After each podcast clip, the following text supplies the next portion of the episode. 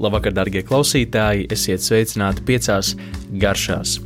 Šovakar mēs runāsim par olām, par olu izmantošanu gatavošanā.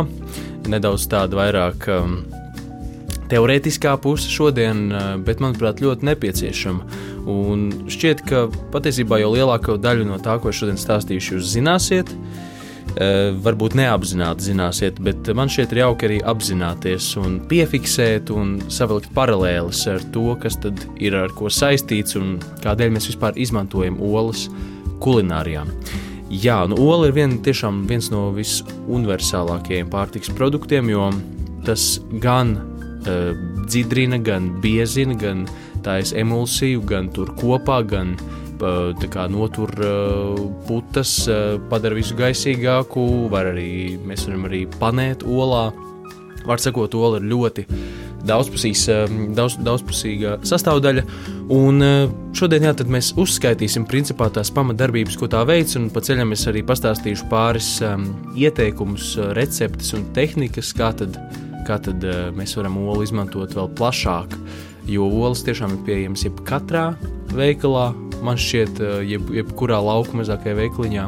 Tās ir iegādājamas, un tās arī mēs ļoti vienkārši un bez sarežģītiem tehniskiem aprīkojumiem vai, vai, eh, vai dažādiem sarežģītiem līdzekļiem vai sastāvdaļām mēs varam pagatavot daudz dažādu ļoti interesantu eh, ēdienu kombinācijas un produktus. Tādēļ arī uzreiz metīsimies iekšā, bet uh, pirms visu šī ja vēlos jā, tad, tad, uh, nedaudz pastāstīt par to, kā izvēlēties olas, kuras iegādāties. Un viens no tiem veidiem, protams, ir um, skatīt derīguma termiņu, ja mēs skatāmies svaiguma tieši ziņā. Uh, taču jā, par, par tiem, šiem olu uh, cipariem reģistrācijas, kas ir, kas ir virsū uz katras olas un kas katra uh, teikt, norāda šo te, um, vai nu uz prostā turēšanas metodi, vai, vai um, brīvi turētās vistas olas. Um, vai, vai būrī turētās, un sprosts un būris, vai sprosts un, un šī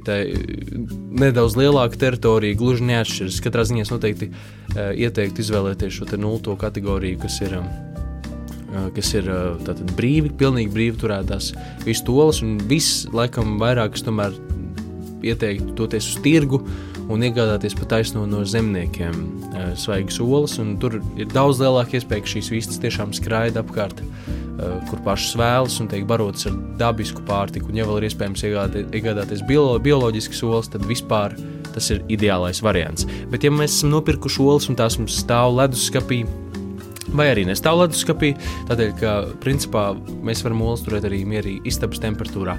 Tas, kas olām nepatīk, ir temperatūra maiņa. Tā, tādā veidā tās ātrāk maitājas un, un iespējams uh, varbūt jau sabojātas. Līdz ar to, eh, vai nu, ja mēs esam iegādājušies olas, kas tātad eh, jau ir stāvējušas veikalā istabas temperatūrā, tad labāk tās neliekam leduskapī, atstājam turpat eh, virtuvē kaut kur plauktā. Ja mēs esam ņēmuši no leduskapja, tad pārliekam atkal leduskapī. Un vēl viena lieta, kas manuprāt vispār priekš tādas. Um, nu, uzturēšanas ir patiesībā diezgan slikta. Un es kāpēc tieši olas vienmēr tur leduskapja durvju augšējā nodalījumā, kur tām ir paredzēta atsevišķa vieta, kur tās var iestutēt. E, redz, šeit tā temperatūra maiņa ir visizteiktākā, tādēļ, ka mēs virinām šīs durvis un, un, un gaisa plūsma notiek ļoti aktīvi, un tas ir diezgan tuvu malai, nevis pa vidu šīm durvīm. Līdz ar to šeit tā temperatūra maiņa notiek izteiktāka. Olas tad vai nu turam dziļāk leduskapī, ne durvīs, vai arī istabas temperatūrā. Jā, nu lūk, un ja mēs esam iegādājušies olas un nezinām, vai tās ir svaigas vai nav, tad mēs varam pārbaudīt ļoti vienkāršā un, iespējams, jums, jums jau zināmā veidā iemērkt olu ūdenī. Vai tas ir katls vai kas cits, diezgan, diezgan lielu tilpumu, ieliekam olu, un ja tā uzpeld kārtīgi, tad jau tā ir savākos ļoti daudz skābekļu un ielaidus, un, un, un tā jau būs vecāka. Ja tā nogrimst pavisam, tad ir ļoti svaigi, ja nedaudz pacēlusies ar vienu sānu, tad arī viss ir kārtībā. Katrā ziņā tas, ko mēs nevēlētos, ir pilnīgi uzpeldoša ola. Tomēr arī uh, nevajadzētu uh, varbūt koncentrēties uz to, ka olām jābūt super svaigām katrā gatavošanas reizē un katrai gatavošanas tehnikai, jo Patiesībā, piemēram, meringus, pavlovas un visu veidu olbaltuma putotos ēdienus iesaka labāk gatavot no vecākām olām. Tad tādām, kas ilgāk ir pastāvējušas, tādēļ, ka šis baltums labāk saputosies, šī puta būs noturīgāka un, uh, un arī būs pirmkārt arī jā, spīdīgāka un labāka. Un, ja vēl mēs to visu darām, tieši putojot olu baltum, baltumus uh, ar olām, kas ir istabas temperatūrā, tad mēs varam vēl simtprocentīgāk garantēt, ka šīs te, uh, cepumi vai, vai merings vai pavlova būs ļoti uh, nu, tādu noturīgu putu un, un, un, un labu tekstūru. Mm, tādēļ tas, tas būtu tas, ko, ko, ko nevajadzētu aizmirst. Bet e, ir arī gadījumi, kad noder visas svaigākās solis. Viens no tādiem e, gadījumiem ir, kad mēs e, plaucējam tās, respektīvi, vārām bez čaumalas. Jo, kādēļ? Tādēļ, ka jo svaigāk ola, jo tā vairāk turēsies kopā, būs tāda stingrāka, jo tam, to mēs ilgāk turēsim, jo tā būs šķidrāka, tā vairāk līs šis baltums, es tieši runāju par baltumu. Un ja mēs to lejam, tā teikt, karstā ūdenī, tad, eh, tad noteikti mēs vēlamies, lai tā vairāk turās kopā un ieņem savu formu. Tādēļ šajā gadījumā savukārt nepieciešams svaigāks solis. Līdz ar to tas, ko es vēlējos teikt, ir nevajag tik eh, varbūt viennozīmīgi skatīties uz olu svaigumu, bet tas tieši ir saistībā ar olām. Jo tas ir īpašs produkts. Katra, katrā, katrai tehnikai tomēr ir savas prasības, un to ir ļoti viegli pārbaudīt. Vienkārši mēs esam izlēmuši kaut ko gatavot, uh, tad um, paskatāmies, vai tas ir gatavojums no svaigām vai no ilgāk pastāvējušām olām. Vai arī otrs variants, ja mums ir ilgāk pastāvējušas olas, mēs varam paskatīties internetā, ko vislabāk gatavot no tādām ilgāk stāvējušām olām. Ja mums ir ļoti svaigs, mēs varam iegūt pretējo. Līdz ar to, principā, tas, ko es vēlos teikt, ir mm, nebaidāmies meklēt uh, risinājumus. Un, uh, ticiet man, internets ir pilns ar daudz un labiem padomiem. Bet, ja runājam par to, kā ola reaģē un ko ola ir spējīga izdarīt uh, kulinārijā pasaulē, tad uh, tās, uh, um, tās iespējas ir daudz un dažādas. Un, un, un tās labās īpašības arī. Un viena no tādām ir biezināšana. Ar olu mēs tiešām varam biezināt gan mērces, gan arī, protams, piemēram, vaniļas mērce, tik krēmīga, bez olu zeltainumiem nebūtu. Tāpat arī saldējums, tāds īsts saldējums, gatavots no olu zeltainumiem, ir arī krēmīgs. Un, un, un, un, un tāds biezs, tīri pateicoties šīm te, te olu īpašībai, sabiezēt un sabiezināt citus produktus. Eh, tāpat arī, protams, ja mēs gatavojam tādu kārtīgu olu kulteni eh, un pareizi to gatavojam, tad tas vienmēr būs tāds biezi, krēmīgs un patīkami gards. Var sakot, jā, šie, šis biezināšanas um, elements. Uh, ir labs, un, un mēs arī holandas mērci gatavojam, un daudz citas tehnikas. Es tikai dažas esmu uh, uzskaitījis.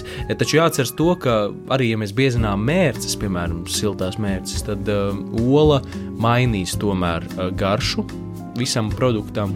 Un, ja mēs, piemēram, esam pagatavojuši mērci, un tā ir ideālā garšas balansā, kādu mēs esam vien vēlējušies, tikai mēs vēlamies vēl iebiezināt to ar olu, olu dzeltenumu vai veselu olu, tad, eh, ticiet man, tā garša var ļoti radikāli mainīties, un to gan vajadzētu atcerēties.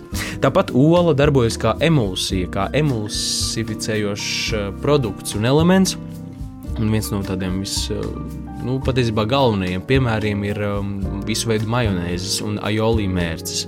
Jo klasiski majonēze uh, nesatur nekādus pienus, piena pulverus un neko tādu. Tā ir gatavota kuļot olu kopā ar eļļu. Un, uh, ja mēs to lēnām pievienojam eļļu olai, tad kļūst šis mm, process ar vien krēmīgāks, biezāks, un mēs nonākam pie tādas kārtīgas, labas, pašgatavotas uh, majonēzes. Tāpat arī uh, mazāk zināma tehnika, protams, uh, tādā mājas pavāru vidē, bet kulinārijā, tādā profesionālajā vidē diezgan bieži izmantota ir dzidrināšana ar olu. Un tas attiecas tieši uz buļļoniem. Jo, ja mēs gatavojam buļļonu un mēs esam nokāsuši visu lieko, visus biezumus. Tāpat e, viņš ir tāds duļķains, nedzidrs, un tas, ir, protams, viss ir kārtībā un tā jābūt. Tomēr, ja mēs vēlamies dažkārt pilnīgi dzidru buļļonu, tad iesitot olu šajā buļļonā, šī ola ar savām olbaltumvielām un visu. Tur arī ķīmisks process, protams, ir apakšā, e, savāks visus biezumus, un, un vēlāk, kad mēs nokāsīsim to visu, tad, e, tad mēs panāksim dzidru buļļonu. Tāpat arī, protams, mēs varam panēt, panēt um, o, ar olu, tā arī ir nu, ļoti uh, laba metode, kā mēs varam, protams, pievienojot nedaudz miltus, varam arī, uh, protams, visvienkāršākais un zināmākais ir karbonādes vai, vai panēta dārzeņi. Bet tāpat mēs varam arī panēt saldējumu, un, piemēram, fritējot saldējumu, mēs varam to kārtīgi iepanēt olā, miltos, riekstos, auzu pārslās, daudz kur citur. Uh, fritē 300 grādos ledus augstu saldējumu, un tas nebūs izkusis. Lūk, šī, piemēram, arī, manuprāt, ir šis ir lielisks piemērs tam, uh, kāds ir olas spēks un izturība un noturība. Noteikti vēlētos uh, atzīmēt olu dzeltenumu kaut kādu tādu nu, luksusa statusu arī kulinārijā un to kaut kādu mm, iespēju ar olu dzeltenumu panākt efektus, kas rada tādu uh, bieži vien krēmīgumu un tādu, nu, jā, tādu uh, luksusa, nebaidoties no šī vārda, um, sajūtu par ēdienu. Un viens no tādiem uh, piemēriem ir, uh, protams, olu dzeltenumu. Uh, olu dzeltenums, kad tas, mēs esam perfekti pagatavojuši olu, tad olu dzeltenums būs ideāls šķidrs un veidosies jau kā mērce. Un mēs varam to pastiept tālāk un gatavot šo, šo tā teikt, mērci pa taisno no olu dzeltenumiem, tos atdalot, un gatavojot ūdens peldē, un mēs varam pievienot sviestu, varam pievienot uh, nedaudz citronu sulu, un tā mēs nonākam pie holandas mērces. Tāpat arī jāceras, ka mēs varam olu dzeltenumus marinēt sojas mērcē vai kā citādi, arī atkal perfekti tos uh, pagatavojot, un, un šo, šo, šos te olu dzeltenumus mēs varam arī uh, sālīt. Un tā mēs nonāksim pie vēl viena produkta, kas um, garšos ļoti izteikti līdzīgi kā, piemēram, Eh, parmezāna siers. Un tā tehnika ir pavisam vienkārša. Mēs ieliekam kādā eh, kastītē vai traukā sāli, tā lai noklātu visu trauku dibenu, ieliekam tādas gropītēs uh, olu dzeltenumus, apberam atkal ar sāli, atstājam diennakti, pēc tam ņemam ārā, mums ir tāda mīksta sālīte, tad mēs varam tos, tos ielikt nedaudz krāsnī, dehidrēties vēl aptuveni 50 grādos uz dažām stundām un turēt leduskapī ilgu laiku. Un vienkārši, kad mēs vēlamies uzrīvēt virsū uz, uh, uz teiksim, makaronu ēdieniem vai salātos, un mums būs tāda siera vietā, mums būs sālīta olu dzeltenuma, un, protams, arī šajā sālī var pievienot dažādas garšvielas, garšaugus un padarīt to pasākumu vēl arī aromātiskāku. Var sakot, ola ir ļoti daudzpusīgs produkts, un man liekas, ka labākais veids, kā varbūt iemīlēt to, ja nu gad, gadījumā kādam tā nepatīk, ir sākt ar izcilu franču omleti. Un, ja mēs, eh, ja kāds no mums dotos šobrīd uz kādu Michelin um, restorānu un pieteiktu uz darbā, Francijā pamatā, tad uh, viena no pirmajām tehnikām, ar ko viņi var pārbaudīt uh, pavāru kaut kādu specializāciju un vispār kvalitāti, ir vienkārši palūgt pagatavot franču omleti īsto. Un franču omleti nenozīmē uh, ar jebkādiem kaut kādiem tomātiem un sieriem. Nē, franču omleti nozīmē no trīs olām, uh, īstajā pannā, skaisti sarulēta, uh, maigi, krēmīga, nepārcepta ar vidū krēmīgu uh, saturu. Var sakot, uh, jā.